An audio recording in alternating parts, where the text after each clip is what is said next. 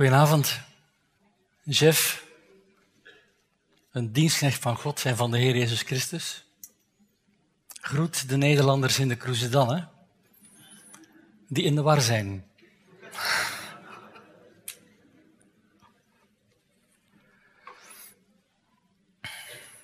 Zijn jullie niet een beetje in de war? Het geestelijk leven is een stereo-effect. We zijn gewoon in de war. We leven in een kapotte wereld. In een lichaam waarin de zonde huist. Het is vaak moeilijk. En dan zegt Jacobus, wees blij, want God is in jou een werk begonnen, waardoor volmaaktheid komt. Het karakter van de Heer Jezus. Weet je niet hoe dat werkt, dan moet je bidden. Gewoon, en God geeft. Als je maar bidt in geloof. Niet twijfelen, maar knielen, zoals een dienstknecht. En als je die geringheid in je eigen leven ervaart, dat jij het niet kan, verwacht dan veel van God die jou geroepen heeft tot zijn wonderbaar licht. Maar als je denkt, ik kan het wel, ik ben rijk, let dan op. Want al je ondernemingen, in al je rijkdom en eigen vermogen zullen gewoon vergaan. Het komt erop aan dat je volhardend de wedloop loopt. Dan ontvang je de kroon van het leven. Dat heeft hij beloofd aan wie hem lief hebben. Ook aan hen die in, in, in die verwarring, in die moeite zitten en soms denken, waarom laat God dit toe? Dat dwaal niet, want de strijd komt niet van God. De strijd komt uit je eigen hart. Het komt erop aan dat je de zon geen kans geeft om tot vrucht te laten komen, maar dat het in uw geplante woord het werk kan doen, naar zijn raadsbesluit. Zodat je heilig en onberispelijk wordt en niets tekort schiet. En in plaats van tegen God een groot woord op te zetten, nederig bent en luistert. Maar leg dus af alle vuilheid en alle uitwas van boosheid. Daar waren we deze morgen gekomen. Leg dus af. Kijk, er zijn dingen die afgelegd moeten worden, waarvan je weet dat ze afgelegd moeten worden. Maar er zijn ook dingen die afgelegd moeten worden, waarvan je geen benul hebt dat ze in je leven spelen. Ik hoop dat ik daar vanavond en ook morgen licht mag opwerpen. Door het woord dat door de geest wordt gebruikt om in jouw hart kamertjes open te maken die gesloten zijn voor zijn werk. Maar het begint met de dingen waarvan je weet, dit is niet oké. Je kan grootse dingen van God verwachten. Dat hij gebeden beantwoordt. Dat, dat, hij het grote plan waarvan je denkt, dat, dat zou nu eens echt datgene zijn wat mijn leven tot blijdschap brengt. Dat hij dat doet. Maar weet je, God zet geen stap vooruit. Wanneer jij niet trouw bent in datgene waarvan je al weet dat Hij het van je vraagt.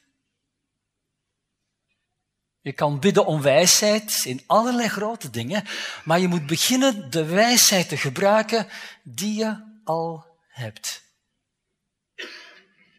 En als dat inhoudt dat je vuilheid en uitwas van boosheid af moet leggen, dan is dat de plek waar je moet beginnen. Er is geen andere weg. God wandelt daar niet omheen.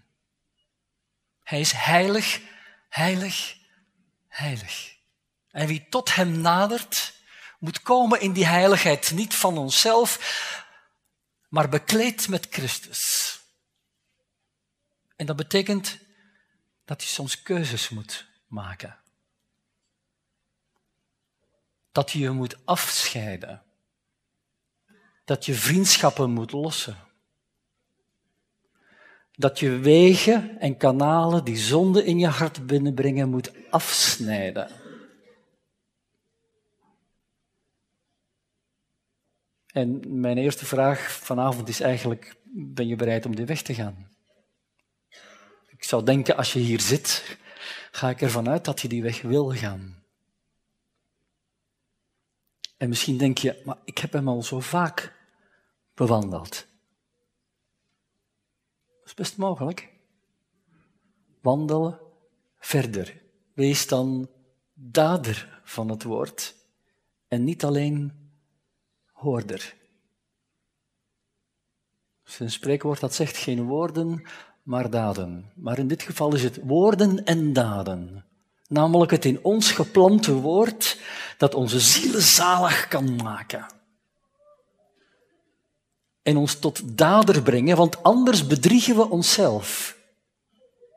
We houden ons gek, onszelf voor de gek als we deze weg met de Here niet wandelen. Zoals een man die zichzelf in de spiegel bekijkt en meteen vergeten is hoe hij eruit ziet. Bij vrouwen ligt dat wat makkelijker om te onthouden. Alhoewel, de mannen van tegenwoordig, als ik de media bekijk. Het was een hele klus hoor in die tijd om in spiegels te kijken. Die, die waren niet zo mooi en makkelijk om in te kijken. Dat waren koperen dingen met, met blutsen en bulten soms. En je moest echt je best doen om jezelf te aanschouwen. Wat een, wat een verspilling van tijd en energie als je dan vergeet hoe je eruit ziet. En zo is het ook met het woord van God. De gehele schrift is door God ingegeven om te onderrichten, te weerleggen, te verbeteren en op te voeden in de gerechtigheid. Opdat de mens Gods volkomen zij. Dat is datzelfde woordje volkomen waar Jacobus het over heeft. Tot alle goed werk volkomen toegerust. 2 Timotheus 3, vers 16 en 17. De gehele schrift is van God ingegeven om te onderwijzen, om te onderrichten. Het laat je de dingen zien zoals ze zijn. Het is een spiegel voor je. En de werkelijkheid is dat als we in die spiegel kijken, dat we vaak vaststellen dat ons hart is niet waar het moet zijn. Als, ik Jacobus lees, dan raak ik vaak gefrustreerd. Want hij vraagt dingen die ik niet kan. En toch weet ik dat het het hart van God is. Het onderwijst mij en het weerlegt mijn leven. En het woordje wat daar staat voor weerleggen in Timotheus is een weerleggen als van een, een advocaat die een redenvoering houdt en die duidelijk maakt, jij bent schuldig. De onderwijzingen van God weerlegt ons leven. En daar moeten we niet van, van, van weglopen. Dat is een noodzakelijke stap om te ondergaan. Te zien wie je bent in het licht van het woord dat goed en heilig en rein en volmaakt is. Het onderwijst, het weerlicht en het verbetert. Hij is een vader die ons niet met onze neus op onze ellende drukt en dan zegt, zie eens hoe slecht je bent. hij is een vader die ons in zijn licht laat komen. En wat gebeurt er in het licht? De duisternis wordt zichtbaar. Mijn duisternis, ook voor mijn ogen. Pijnlijke momenten zijn dat. Verdriet. Zalig zij die treuren. Maar, maar het verdriet naar Gods wil brengt onberouwelijk inkeer tot heil. Het verdriet van de wereld, dat drukt je neer. Het verdriet van het wetticisme en de religieuze regels die als een zweepslag over je rug gaan, dat drukt je neer. Het is het kenmerk van de tegenstander die de schapen opjaagt. Maar de goede herder is met ontferming bewogen en gaat de schapen voor. Hij incasseert de eerste klappen. Hij weet met wie hij te maken heeft. De vijand voor hem en wij in zijn bescherming achter hem. En je leven wordt weer licht, maar hij neemt je mee naar een beter pad om te bewandelen. Om opgevoed te worden in de gerechtigheid. Gerechtigheid. Daar zit het woordje recht in. Datgene wat recht is voor God. Tegenover wat scheef is. Datgene wat goed en welgevallig is. Tegenover dat wat slecht is en dingen stuk maakt. Opdat de mens Gods volkomen zij tot alle goed werk volkomen toegerust. Je hoort de echo van Jacobus hier. En wat heb je daarvoor nodig? De gehele schrift die door God is ingegeven. Nou, dan verdiep je je toch in die, in, in, in die wijsheid, in die vrijheid, in dat vermogen wat God geeft om te doen wat je zelf niet kan. Romeinen 8 zegt het zo, er is geen veroordeling voor hen die in Christus Jezus zijn. Want de wet van de geest van het leven heeft je in Christus vrijgemaakt van de wet van de zonde en de dood. Over wat soort wet gaat het dan? Als ik mijn pen in de lucht gooi en hij valt naar beneden, hoe komt dat dan? Dus de wet van de zwaartekracht. Dat is een natuurwet. Het kan niet anders dan dat hij valt. Maar zo zijn er ook wetten voor het geestelijke leven. De wet van de zonde en de dood geldt voor hen die de Heer Jezus niet kennen. En de wet zegt, het kan niet anders dan dat je los van Christus in de zonde wandelt. Daar kom je nooit los van. Je kan proberen langs de buitenkant een goed leven te leven, maar zelfs dat is een ontzettende inspanning. Want er is een wet in je leven die je leidt naar de dood. Er is een begeerte in je hart die bevrucht is en die een miskraam veroorzaakt in plaats van echt leven. Maar voor hen die de Heer Jezus kennen, is er de wet van de geest van het leven. De geest van God die in je is komen wonen en die zijn vermogen, de opstandingskracht van de Heer Jezus in jouw hart bewerkt om te kunnen doen wat je zelf niet kan. Waardoor je van nature, vanuit je identiteit in Christus, verlangt om te zijn wie hij is en te doen wat hij doet en dader te zijn van het woord en niet alleen maar hoorder. Als je het in zachtmoedigheid aanneemt en niet vergeet en de onderwijzing laat werken die jou weer legt, zodat je kan verbeteren en je opgevoed wordt. Dat is een groeiproces, die opvoeding. Dat is niet van vandaag op morgen. Je, je hele leven lang heb je daarvoor nodig. Maar God is een goed werk begonnen. Hij heeft je bevrijd van de schuld van de zonde. En hij is bezig je te bevrijden van de invloed van de zonde. En hij zal je bevrijden van de aanwezigheid van de zonde. En wij willen meestal die drie dingen allemaal tegelijkertijd. Maar het is een proces. Met een duidelijk begin en met een vrijspraak. Geen veroordeling. En als gevolg daarvan van nature volharde wandelen in het woord dat je lief hebt omdat je hem lief hebt. En hij bij jou is komen wonen. Zodat je in het huis van de Vader zal verblijven tot in lengte van dagen vrij van elke besmetting en aanwezigheid van zonde. Daar moet je mee bezig zijn. En als dat niet zo is, en je denkt godsdienstig te zijn en er allerlei commentaar op te moeten hebben, dan misleid je je hart en is je godsdienst zinloos. Want zuivere en onbevlekte godsdienst voor God is dit. Wezen en weduwe bezoeken, in hun verdrukking en zichzelf onbesmet bewaren van de wereld. Nou, denk nu niet weer iets wat ik moet doen, want eh, er, je hoeft niks te doen. Er is iets wat je moet zijn. Dit is God.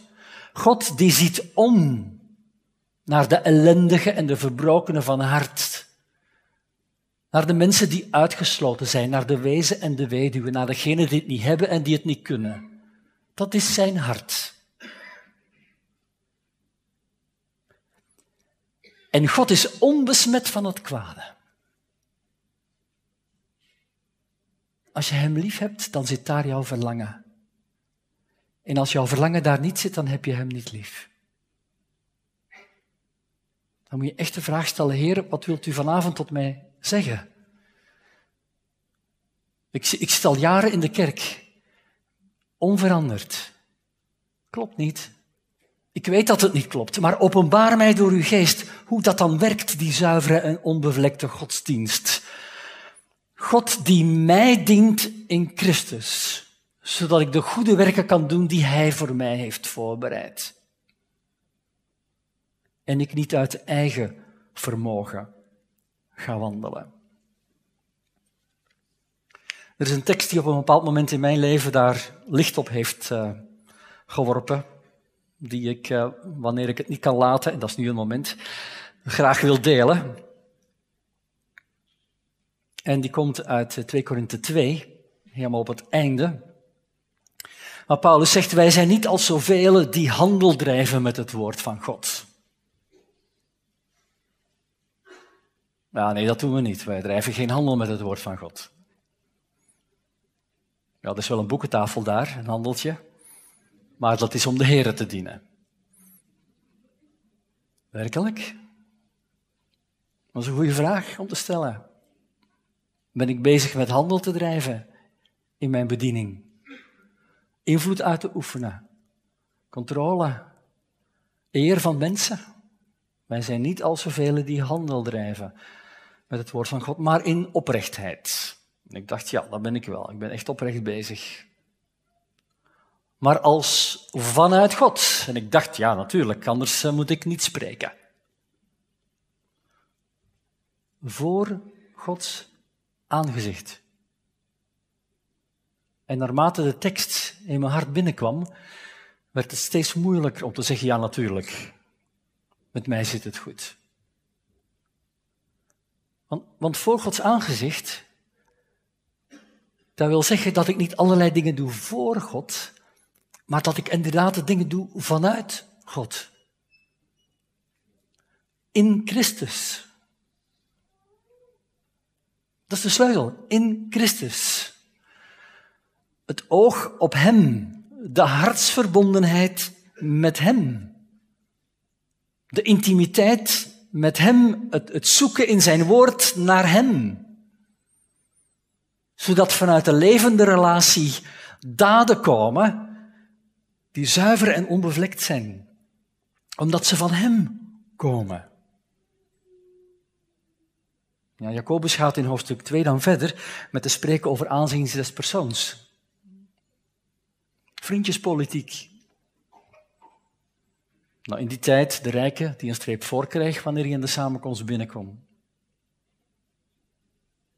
Mensen die sociaal iets betekenen en je daarmee associëren. Of als je jong bent, tot een groep willen behoren die een zekere status heeft. En als je er niet toe behoort, dan lig je echt eruit. En de groep en de status maakt dat je begint compromissen te sluiten. Voorzichtig. En in de kerk zeg je, al zullen alle aanstoot aan u nemen, ik nooit. En in de groep zeg je, ik ken hem niet. Innerlijk verdeeld op al je wegen. Twee zielen. Twee wegen. Besmet. Zo zou het bij u niet mogen zijn, geliefde broeders. De bedoeling is dat je de koninklijke wet volbrengt. Uw naaste lief te hebben als uzelf. Ja, de wet van de vrijheid. De wet van de liefde. En dan hoor ik veel mensen zeggen, ja, dat is wat we moeten doen in het Nieuwe Testament. Het Oude Testament, dat waren wetten. Nou, dat is voorbij. We zitten nu in het Nieuwe. Wat we nu moeten doen, is elkaar een God lief hebben. Dat is de enige wet. Dat klopt. Maar laat me u deze vraag stellen. Hoe kunt u God en elkaar lief hebben? Ik zou het u zeggen, door de wet te houden. Door de geboden te doen. Waarvan de Heer Jezus zegt dat er geen jota of geen titel zal worden weggenomen, voor alles zal zijn geschied. De vrijheid die wij in het Nieuwe Testament hebben ontvangen, is niet de vrijheid die zegt, maakt niet uit hoe je leeft, er is genade. Wie zo denkt en leeft, heeft niks van genade gesnapt. Het is de vrijheid die maakt dat ik losgemaakt word van een zondige natuur, die niet anders kan dan zondigen, en dat ik in de vrijheid word gesteld om de geboden te doen, te bewaren, Hem lief te hebben in de acties van elke dag. In de dingen waarvan ik weet dat ze ertoe doen. Je zou echt in staat moeten zijn om elke bewuste zonde uit je leven weg te doen. Behalve degene waar je nu mee strijdt. En als die weg is, tot God, tot God je een volgende. Tot wanneer je bij hem bent. Dus ik wil niet zeggen dat er geen strijd kan zijn, maar wel dat die voortgang zichtbaar zou moeten zijn. Dat je dader wordt in plaats van hoorder. En dat als je jezelf in de spiegel van het woord bekijkt, dat je God hebt ontmoet. Want ontmoetingen met God zijn in de schrift altijd adembenemend. Jezaja, ik ben een man onrein van lippen. Hij woont te midden van een volk dat onrein van lippen is. Johannes valt als dood voor zijn voeten. Daniel is lijkbleek. En er zijn er nog wel meer. Terwijl wij verwachten dat onze ontmoetingen met God zijn leuk en vriendelijk en gezellig en halleluja. Nou, die zijn ze ook, zo zijn ze ook wel. Maar het begint met weerleggen. Het begint met licht wat komt in jouw duisternis, waardoor je schrikt. En niet in angst in een hoekje hoeft te zitten, maar weet dat de vrezen des Heren je leidt in de schuilplaats van de Allerhoogste. Waar de pijlen van de tegenstander niet binnen kunnen waar hij je beschermt met zijn vleugels. Waar wat er ook om je heen aan verderf aanwezig is, dat je niet kan raken. Je wandelt door een dal van diepe duisternis, doorheen de schaduw van de dood. Maar de schaduw valt wel op je, maar de dood kan jou niet raken. De schaduw kan niet bijten. Wanneer je geborgen bent in Hem die altijd met je is, alle dagen, tot aan de voleinding, aan wie alle macht is gegeven op de hemel, in de hemel en op de aarde. Nou, als Hij die macht heeft, komt het erop aan om nauwgezet te wandelen. Jacobus spreekt over oordeel. En onbarmhartigheid zal het oordeel betekenen voor hen die geen barmhartigheid hebben bewezen die het karakter van de Heer Jezus niet hebben getoond. En dus een oproep tot levend geloof. Je wordt behouden door je werken. Laat even stilte. Je wordt behouden door je werken. Waar of niet waar?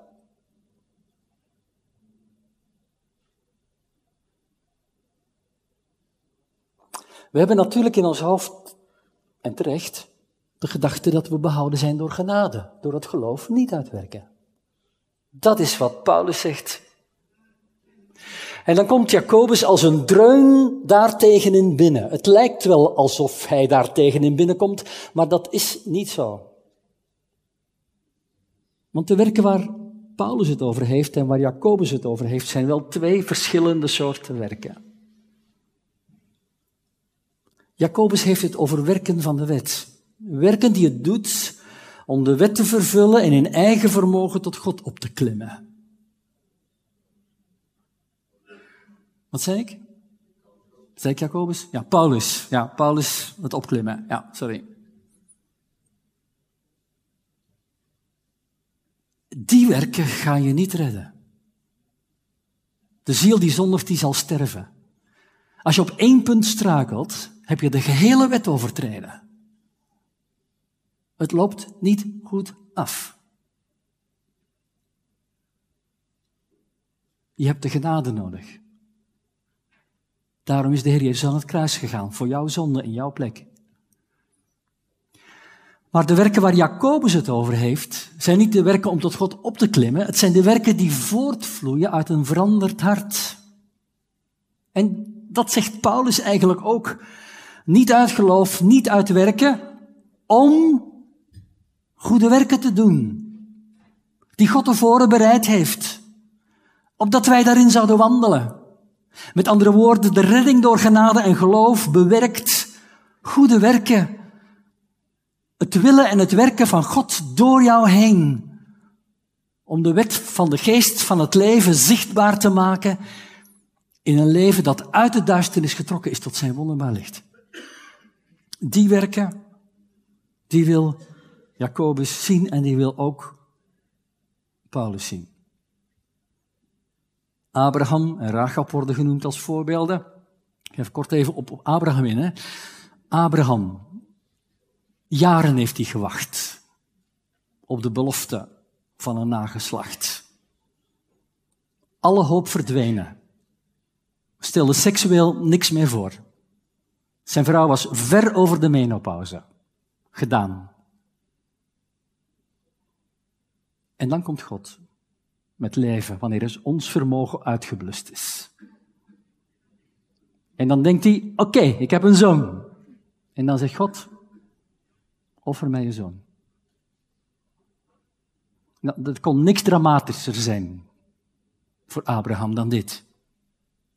Hij had zo lang gewacht, zo lang gehoopt.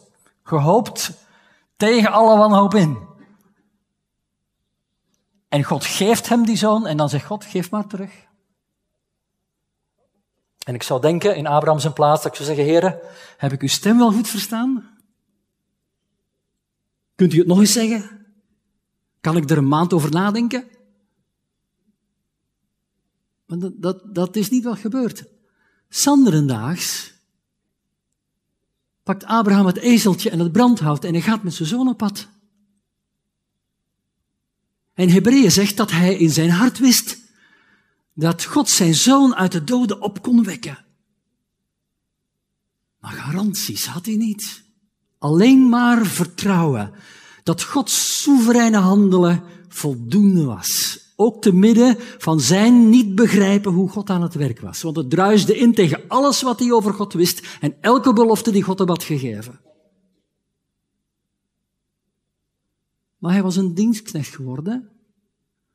Die knielde, zoals Jacobus, om wijsheid bad en handelde met de wijsheid die hij had, de dingen waarvan hij wist dat God ze van hem vroeg.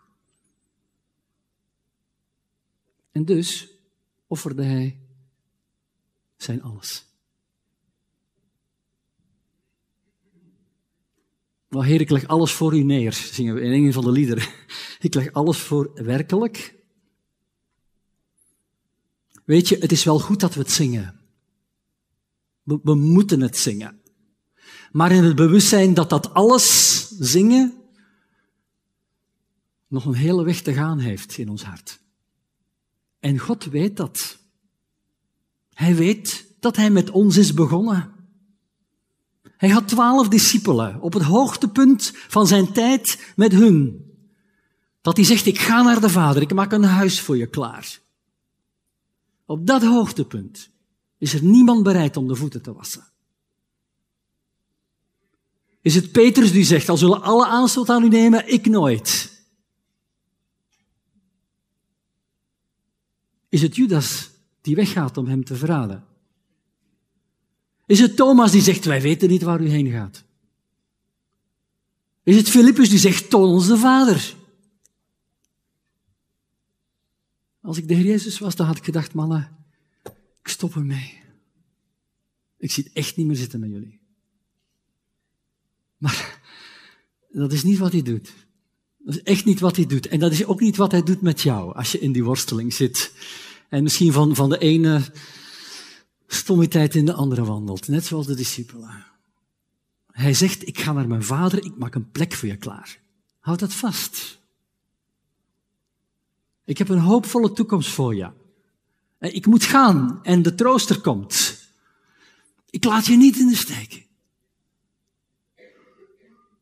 Alsof hij zegt, Petrus, is nog een dag dat ik je zal vragen, wil je mijn schapen hoeden? Nou, die dag is gekomen. Maar zelfs op die dag zegt Petrus, ja maar en Johannes, wat moet er met, wat moet er met hem gebeuren? En Jezus zegt, Petrus, daar heb je dus niks mee te maken. Ik doe bij Johannes wat ik wil. Je hoeft geen vragen te stellen, ja maar die en zus en zo en daar handelt. Nee, God handelt met jou wat jij nodig hebt om in de volmaaktheid van Christus binnen te komen. Er is maar één weg die hij met jou gaat, niet de weg van een ander. Jouw weg, die voor jou zijn soevereine, perfecte weg is. En dat zou zichtbaar moeten zijn in hoe je omgaat met vuilheid en uitwas van boosheid en met de verzoekingen en de beproevingen van je leven. Zo ook met hoe je je tong gebruikt. Dan zitten we in hoofdstuk 3.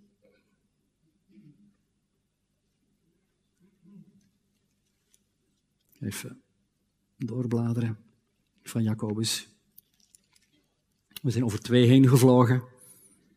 We blijven nu even bij drie staan. U moet niet allemaal leermeesters willen zijn, mijn broeders. U weet immers dat wij dan een strenger oordeel zullen ontvangen. Jacobus, ik dacht dat het woord verkondigd moest worden en dat we juist onderwezen moeten worden. Hoe kan je dan zeggen, laat niet allemaal leermeesters in uw midden zijn? Nou, waarschijnlijk was daar in de gemeente een problematiek van mensen die het graag wilden uitleggen.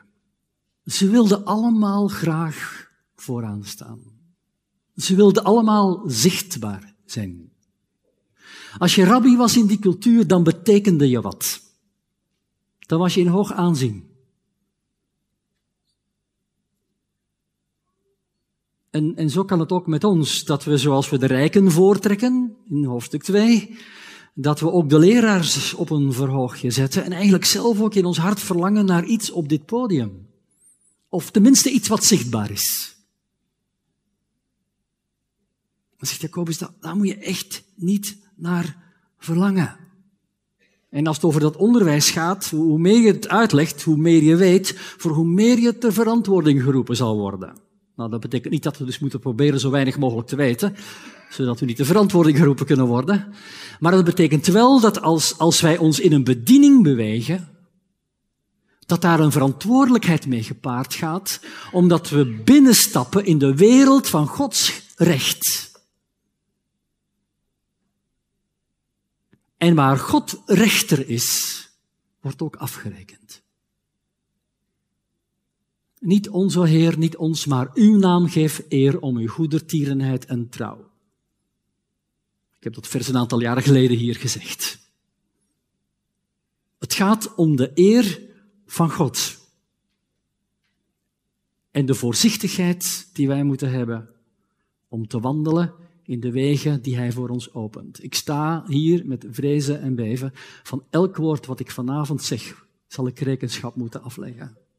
En niet alleen van elk woord, maar ook van de houding waarmee ik het heb gezegd. Van de verwachtingen die ik had waarmee ik het heb gezegd. Ik wil hier graag staan, maar ik wil hier niet graag staan. Heer, ik wil u dienen, maar ik doe het in vrezen des Heren. En dan kan God met je een werk doen. Want dan kan jij wegvallen en komt Hij in de plaats. Dan kan Hij spreken door jouw woorden of door jouw handelen. En in dit geval zijn woorden daden. Geen woorden, maar daden. Maar in dit geval, als je het aan Jacobus zou vragen, woorden zijn daden. Het zijn daden van het hart. Wat uit het hart van de mens komen, maar allemaal lelijke dingen. De tekst spreekt over een bron van waaruit iets voorkomt, naar het einde van het hoofdstuk toe. En, en de bron is vaak ons onveranderd oude hart. Wie wijs van hart is, neemt de geboden aan. Maar wie dwaas van lippen is, komt ten val. Spreuken 18, vers 8. En vers 11. De mond van de rechtvaardige is een bron van leven, maar geweld overdekt de mond van de goddeloze. Vers 18 tot 21. Wie haat toedekt, heeft valse lippen en wie een kwaad gerucht verspreidt, die is een dwaas. In de veelheid van woorden ontbreekt de overtreding niet, maar wie zijn lippen inhoudt, is verstandig. De tong van de rechtvaardige is het beste zilver, maar het hart van de goddeloze is weinig waard. De lippen van de rechtvaardige voeden velen, maar de dwazen sterven door gebrek aan verstand. Nou, er zijn zo tientallen versen in spreuken. Waar het hart vol van is, loopt de mond van over. Dan is het een hart dat de dienstknecht van God is en van de Heer Jezus Christus? Of is het het hart dat zichzelf profileert, dat zelf vooraan wil staan? Wedergeboorte draagt vrucht in ons spreken. Wedergeboorte beheerst zijn woorden. Tegenover God, maar ook tegenover mensen. moeilijk. Heel moeilijk, want we hebben dan met onze motieven te maken. We kunnen onze woorden zwaar laten wegen. Maar als het alleen maar pogingen zijn om onze eigen motieven goed te praten, om ons gelijk te halen, om controle te verwerven, zodat andere mensen denken, hij heeft gelijk, hij kan het wel goed uitleggen, dan zijn al onze gesprekken over de Bijbel, of over onze auto, of over muziek, alleen maar gevechten om aandacht te trekken en gelijk te krijgen. Ik vind dit een ontstellende vaststelling. Want ik betrap mezelf er vaak op dat ik dingen zeg die goed en waar zijn, maar met het motief om mijzelf te profileren. Waardoor ze leugenachtig worden, omdat ze uit een leugenachtig hart voortkomen. Ik zie dagelijks mensen een gelijk vertellen aan hun huwelijkspartner en met dolksteken elkaar vermoorden. Met alle waarheden die ze verkondigen, en je kan er vaak geen spel tussen krijgen, is de vrucht van hun spreken dood en vernieling. Ze verkondigen de waarheid, maar ze hebben de bedoeling om te kwetsen, op de plaats te zetten, om af te rekenen, om de eigen heiligheid naar de voorgrond te brengen. Het is echt lelijk om te zien. En ik zie het niet alleen in huwelijken en gezinnen, ik zie het ook in de gemeenten. Waar mensen tegenover elkaar staan met de waarheid in hun ene hand en met de liefde in de andere hand. Want ze zeggen, ik zeg het omdat ik van je hou. Ik moet wel scherp zijn, want het is in het belang van jou en van de gemeente. Maar de vrucht is een en al ellende. Waarom zeg ik wat ik zeg en waarom doe ik wat ik doe? Heer, bewaar mijn hart. Dat is wat ik zelf niet kan. U bent het die mijn hart en mijn gedachten moet behoeden. Nou, ik weet dat ik daar zelf een rol in speel. Ik moet bedenken wat waar is en, en wat rein is en wat welluidend is en wat beminnelijk is en wat deugd verdient. Dat is mijn verantwoordelijkheid.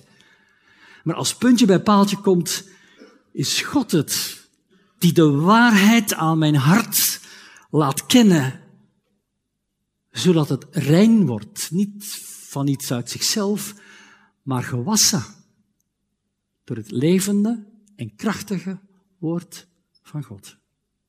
Het waterbad met het woord, waardoor ik ben wedergeboren, maar waardoor ik ook word geheiligd van heerlijkheid tot heerlijkheid. Dat is wat ik wil.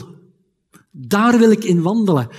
En dus is het terecht dat Jacobus met ons wil afrekenen, in dit geval op onze woorden, want wij struikelen alle in veel opzichten.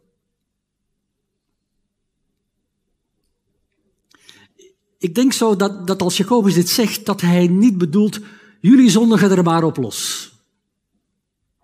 Of dat hij een hele grote lijst van allerlei verschrikkelijke zonden, overspel, moord en dat soort dingen op een rij zou zetten om te zeggen, kijk eens wat jullie allemaal doen. Het is veel geniepiger dan dat. Kijk, als het dat was, was het vrij simpel. Geef me je moordwapen. Breek die relatie. Maar het zit veel dieper. Het zit in ons hart. Want als ik die relatie breek in het fysieke leven, dan zit het nog altijd in mijn hoofd en in mijn hart. En als ik mijn moordwapen inlever, dan zegt mijn hoofd nog altijd leeg hoofd. Ik, ellendig mens, wie zal mij verlossen uit het lichaam van deze dood? Dat is vanmorgen. Beseft uw ellende en treurt. Hoofdstuk 4. Maar om te treuren moet ik eerst geconfronteerd worden met de diepgang van wat Jacobus hier wil zeggen. De, het, het geraffineerde spreken, waardoor je met de waarheid de ander kwetst en je eigen gelijk haalt. Waardoor je boven de ander gaat staan en de ander oordeelt, terwijl je zelf een oordeel over jezelf haalt en jezelf interessanter praat dan je eigenlijk bent en met al je waarheden een dienaar van de leugen bent geworden. Want we struikelen alle in veel opzichten. Als iemand in woorden niet struikelt, is hij een volmaakt man die bij machten is om ook het hele lichaam in toom te houden. Wauw. Ja, heer, er is nog wel wat werk, maar die weg wil ik wel gaan. Als, als u met mij gaat, dan wil ik hem gaan. Als ik hem alleen moet gaan, dan, dan geef ik op. Maar u bent bij machten om mij in toom te houden. Het gaat hier om de teugels van de Heilige Geest. En, en er wordt een beetje verder ook over, over teugels en over een bit gesproken. Hè? Als wij paarden de toon of een bit in de mond leggen, dan is het de bedoeling dat ze gehoorzamen en we besturen hun hele lichaam. Wij moeten beteugeld worden door de kracht en het werk van de Heilige Geest over onze harten. Heer, zet mij in de teugels. Zet een wacht voor mijn lippen. Leer mij van ver te zien dat de verzoeking eraan komt, in plaats van erin te lopen met ogen open en pas te denken achteraf, waarom heb ik het niet gezien? Kom met uw licht over mijn duisternis heen, zodat ik met mijn duisternis in uw licht kan komen en het gereinigd kan worden. En bestuur mijn hele lichaam, het lichaam waarin de zonde woont. Het lichaam waarvan ik verlang om ervan bevrijd te zijn. Waarvan ik bevrijd zal zijn. Als ik bij Hem zal zijn. En zie ook de schepen, al zijn ze nog zo groot en worden ze door harde winden voortgedreven, ze worden gestuurd door een zeer klein roer waarheen de stuurman ook maar kiest en wil. Ja, die tong die kan een hoge toon voeren. En toch stelt ze niet zo denderend veel voor. Het is maar een klein lichaamsdeel. Maar ze bestuurt wel alles. Zoals een schip wordt gestuurd door een roer. En in de harde wind toch richting houdt. En in dit geval is het niet de richting van de rechtvaardigheid van God, maar de richting van de onrechtvaardigheid van de tegenstander. Een klein vuur dat meteen een hele hoop, hoop hout aansteekt. Een kleine vonk die genoeg is om een heel bos te doen ontbranden. Een klein roddeltje, waardoor je de integriteit van iemand in vraag stelt. En de helft van de gemeente denkt, werkelijk waar?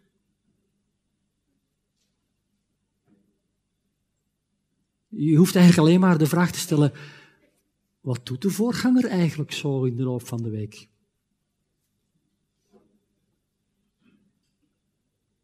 En als je erop doorgaat, dan denk je, ja, wat doet die man eigenlijk? En als je dat... Ja, ik moet nu stoppen, want anders zijn jullie allemaal... Zo makkelijk gaat het. er is nog geen enkel feit vastgesteld. er is zelfs een goede vraag gesteld. Maar als de vraag komt uit een hart dat de chaos wil tot stand brengen en de man wil breken, dan ben je zo'n instrument, instrument in de handen van de tegenstander geworden. Dan is je tong een wereld van ongerechtigheid geworden. Een vuur. Zo staat het met de tong onder onze lichaamsdelen. Ze besmet het hele lichaam en zet onze levensloop vanaf het begin in vlammen en ze wordt zelf door de hel in vlam gezet. Dat zijn krasse uitspraken. Dat zijn ontzettende uitspraken. Het kan niet erger dan dat de vlam van de hel in je tong zit. En, en toch hebben we er eigenlijk geen last van. We spreken al die woorden vanuit ons eigen gelijk. En we vernielen. We vernielen de liefde, we vernielen de gemeenschap, we vernielen huwelijken, we vernielen gezinnen, omdat we de begeerte van de schuilhoeken van het hart tentoonspreiden. En zo de besmetting uit ons hart spuwen in de omgeving van onze relaties. Dat is wat Jacobus zegt. Ik kan het niet mooier zeggen. Het is eigenlijk verschrikkelijk om te zeggen. En als ik naar mijn eigen woorden kijk, dan denk ik, nou, dat valt eigenlijk wel mee. Maar als ik naar mijn motieven kijk, dan denk ik, chef, je hebt nog een hele weg te gaan. Met al je mooie woorden. En al je bijbelse principes. En alle dingen waar je een ander mee helpt. En God gebruikt het allemaal. Maar hoe zit het in jouw hart? Want elke natuur, zowel van wilde dieren en vogels als van kruipende dieren en zeedieren, wordt getemd en is getemd door de menselijke natuur. Maar de tong kan geen mens temmen. Ze is een niet te bedwingen kwaad, vol dodelijk vergif. Door haar loven wij God en de Vader. En door haar vervloeken wij de mensen die naar de gelijkenis van God gemaakt zijn. Dat innerlijk verdeelde komt hier aan de orde. Uit dezelfde mond komt zegening en vervloeking voort. Dit moet, mijn broeders, niet zo zijn. Laat soms een bron uit dezelfde ader zoet en bitter water opwellen. Ah, hier krijg ik hoop, want ik dacht, Jacobus, het is, het is, het is, het is niet te doen, het wordt nooit opgelost. Die tong is een vuur en een ellende, ik raak er nooit van af. Maar hier zit de sleutel. Doet soms een bron uit dezelfde ader zoet en bitter water opwellen. Ik moet naar de bron. Ik moet naar de juiste bron. Ik moet met de begeerte van mijn hart naar de bron van het leven in plaats van naar de begeerte. Ik, ik, ik moet knielen als een dienstknecht en God soeverein zijn werk laten doen. In plaats van mezelf te profileren en God duizend vragen te stellen waarom en waartoe. Ik moet naar de bron van levend water. Want God zoekt mensen die dat willen drinken. Om niet. Zodat je door genade kan kopen. Wijn en melk en alles wat je nodig hebt om verzadigd te worden. Zo komt hij met volle handen naar jouw lege hart. Nou, niet leeg, er moet eerst iets uit. De vuilheid moet eruit. Die moet jij afleggen. Dan moet je voor kiezen om ze af te leggen. Je kan maar de heiligheid van Christus aantrekken als je de oude kleren uittrekt. Je kan niet twee, twee pakken tegelijk aantrekken. Dan, dan loop je zo. Je oude pak moet uit. Wie een dief was, stelen niet meer, maar spannen zich liever in om met zijn handen een goed werk te verrichten. Wanneer is een dief geen dief meer?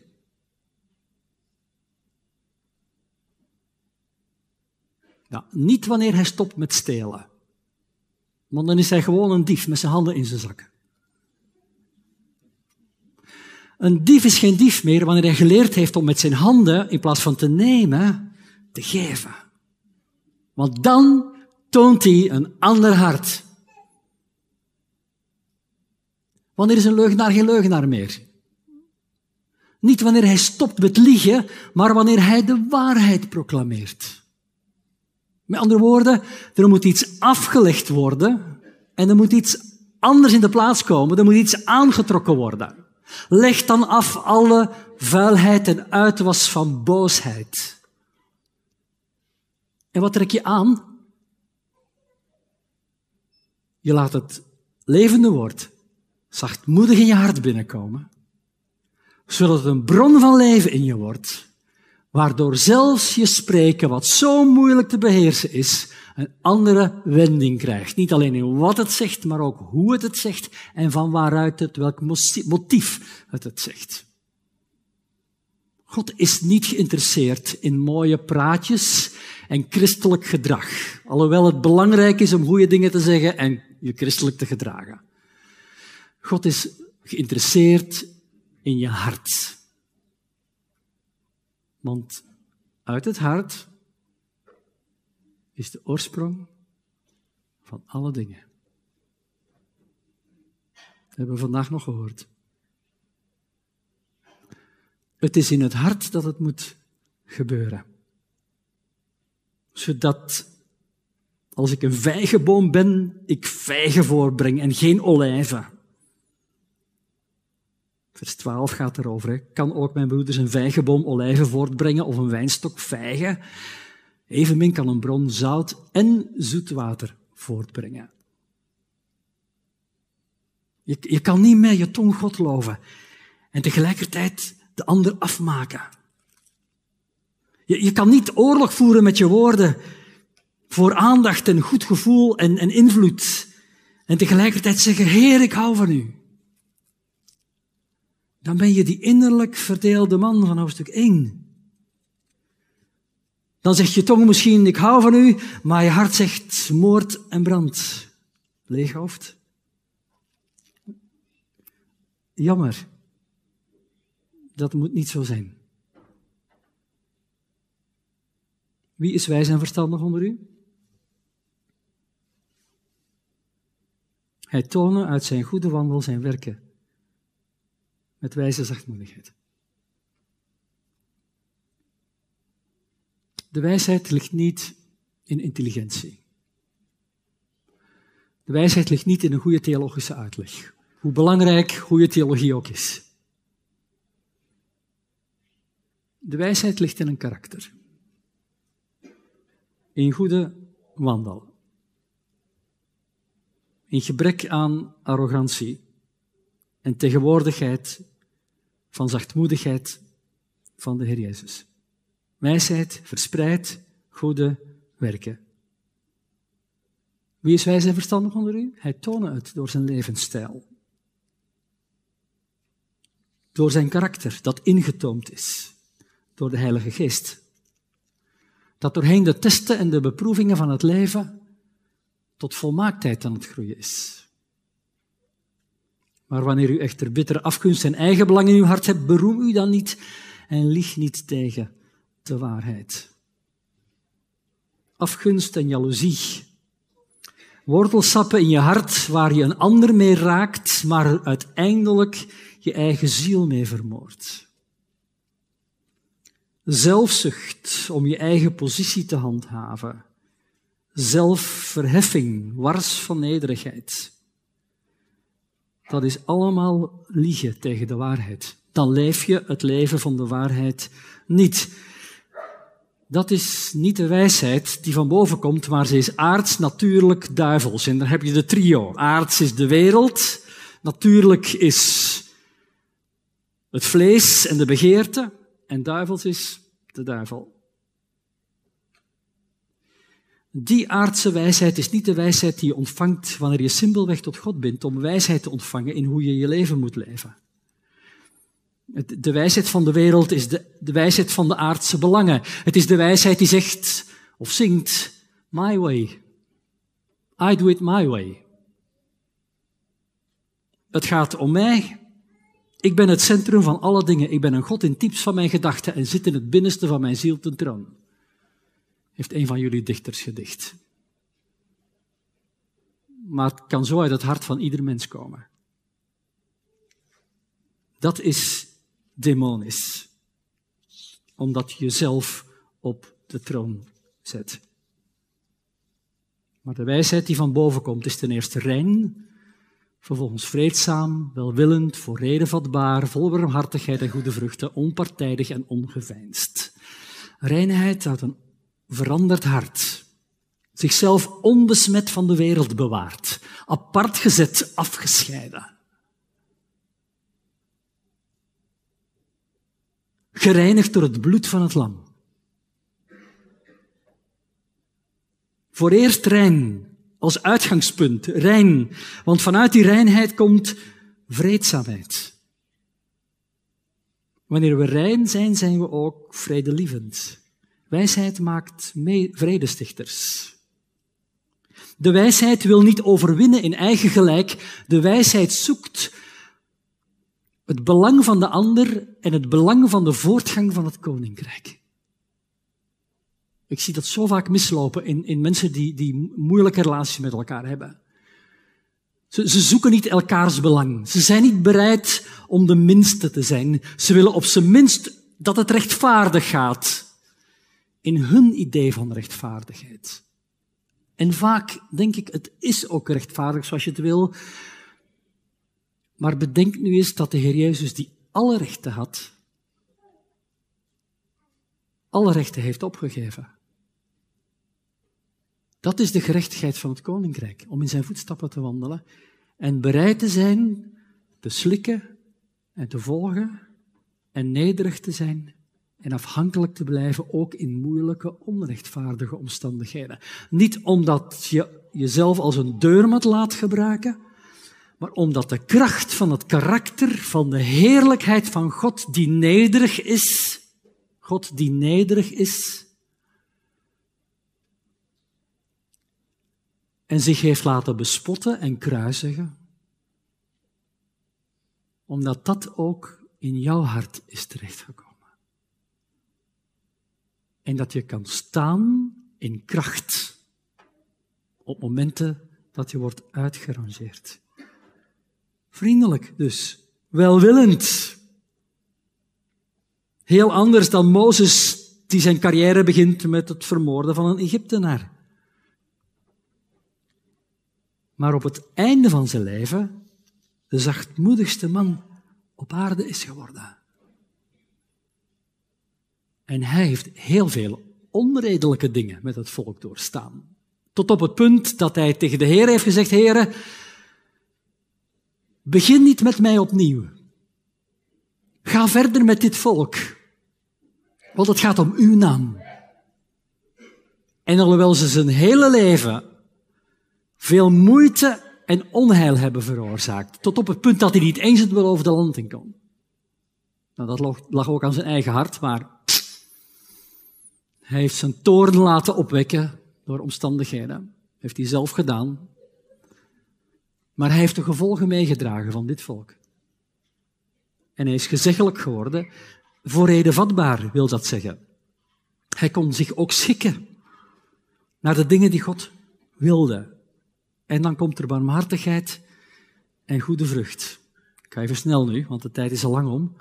Onpartijdigheid, Ongeveinsdheid, met andere woorden, niet hypocriet, geen dubbele bodems, zodat de vrucht van de gerechtigheid in vrede wordt gezaaid voor hen die vrede stichten. Gerechtigheid is een vrucht die gezaaid moet worden. Nou, God zaait zijn woord in onze harten. Hij is de zaaier met de hoofdletter. Maar het zaad wat in ons tot vrucht komt, dat zaaien wij ook om ons heen. En het zaad heeft als kenmerk vrede brengen. Vrede stichten. Een goede boodschap waardoor heil komt bij anderen. Als je zo zaait in vrede en vredestichter bent, dan komt er meer gerechtigheid van God in je midden. Het is God die zaait en jij zaait en de vrede vermeerdert, waardoor de gerechtigheid vermeerdert, waardoor er meer vrede komt. En, en er komt geen eind aan wat God is begonnen. Wijsheid die gerechtigheid weerspiegelt, die het karakter en het rechte, het goede, het eerlijke, het oprechte van God en van de Heer Jezus Christus in ons midden zichtbaar maakt. Niet alleen in onze woorden, maar ook in onze daden. En ons spreken is een deel van onze daden. Slotgedachte. Gerechtigheid. Zalig zij die vervolgd worden om de gerechtigheid. Nou, wat ervoor staat, dat willen we al eigenlijk al lang niet. Vervolgd worden. En, en toch is dat iets wat gebeurt wanneer je de juiste weg bewandelt. De, de weg begint met zalig zij die treuren. Het begint niet met de vredestichters. Je kan geen vrede stichten als je niet treurt. Als je niet arm bent van geest, daar begint hij mee. Het begint met arm zijn van geest. Als je vrede wil hebben met God en met anderen en vredestichter wil zijn en de gerechtigheid wil zien groeien, moet het beginnen met arm van geest. Heer, ik kan dit niet, ik heb dit niet in huis. Ik ben maar een mens, gering en vol van zonde. En als je dat beseft, dan gebeurt het tweede stapje. Zalig zij die treuren. Nou, treuren over het verdriet van de wereld, ja, maar vooral treuren om wat zich in mijn hart afspeelt. Eén en al tranen om mijn ellende en de ellende van mijn volk. Zalig zij die treuren, want ze zullen vertroost worden. Zalig zijn de zachtmoedigen. Weet je, als ik leer treuren, omdat ik mijn eigen onvermogen en zonde heb gezien, en verdriet heb, en ook verdriet heb over dat van een ander, dan word ik zachtmoedig. Dan kom ik niet met een oordeel in mijn spreken dan zoek ik wegen om te redden, om te beschermen, om te beveiligen, niet om te vermoorden en om te breken. Dan, dan, dan, dan kom ik met barmhartigheid, die het kenmerk is van de Heer Jezus, die Jeruzalem ziet en vol ontferming is bewogen, omdat hij de ellende ziet van deze stad. En de verlorenheid van de mensen daarin. En geen van hen die weet het verschil tussen een linker en een rechterhand. En ze gaan allemaal samen naar een eeuwige verdoemenis. Daarover moet je treuren. Zodat je zachtmoedigheid daarover je helpt om te verlangen naar een ingrijpen van God. Een hongeren en dorsten naar de gerechtigheid. Hier komt pas de gerechtigheid binnen. Weet je, als je zegt rechtvaardig, gerechtigheid, zonder te treuren, zonder arm te zijn van geest, zonder barmhartigheid, dan ben je tyrannisch bezig. In plaats van in de heerschappij van Christus, die het verlorene zoekt, te zeggen, ik veroordeel u niet. Maar tegelijkertijd ook in liefde zegt, en zondig niet meer.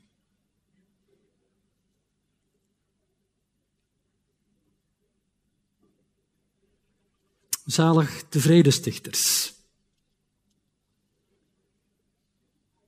Dan komt die rol van iemand die kan uitdelen wat God heeft gezaaid in het eigen hart. En de kans is vrij groot dat als je dat zaait, dat je niet alleen tevredenheid oogst, de kans is eigenlijk heel groot en veel groter dat je vervolging oogst. De wereld gaat ons nooit lief hebben. Nooit. Mensen met een onrein hart gaan jou nooit lief hebben. Die schreeuwen met elkaar kruisig hem.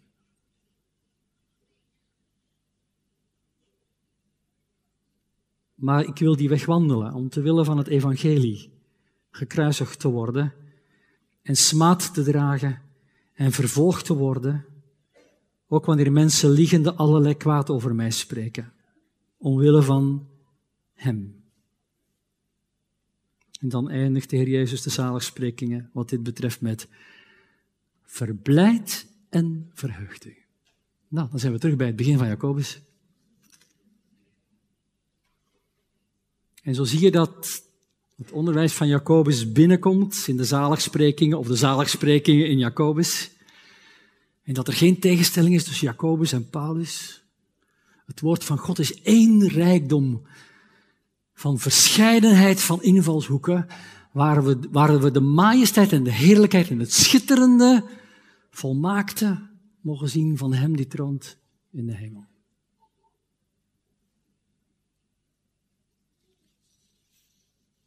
Nou, dit is wat ik vanavond wilde zeggen.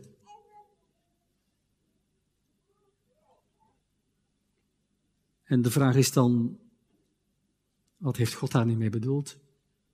Niet alleen met, met vanavond, maar we hebben deze middag uh,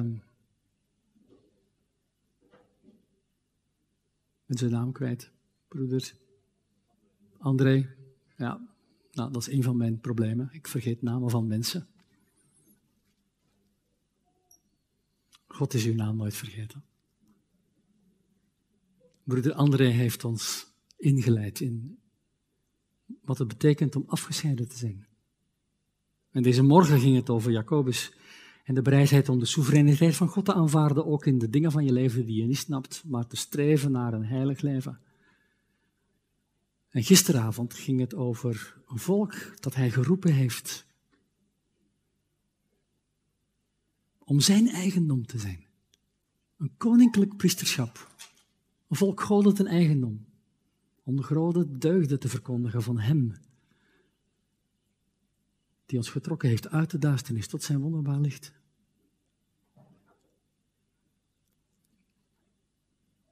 Wat heeft de Heilige Geest in dit verhaal tot jouw hart gezegd?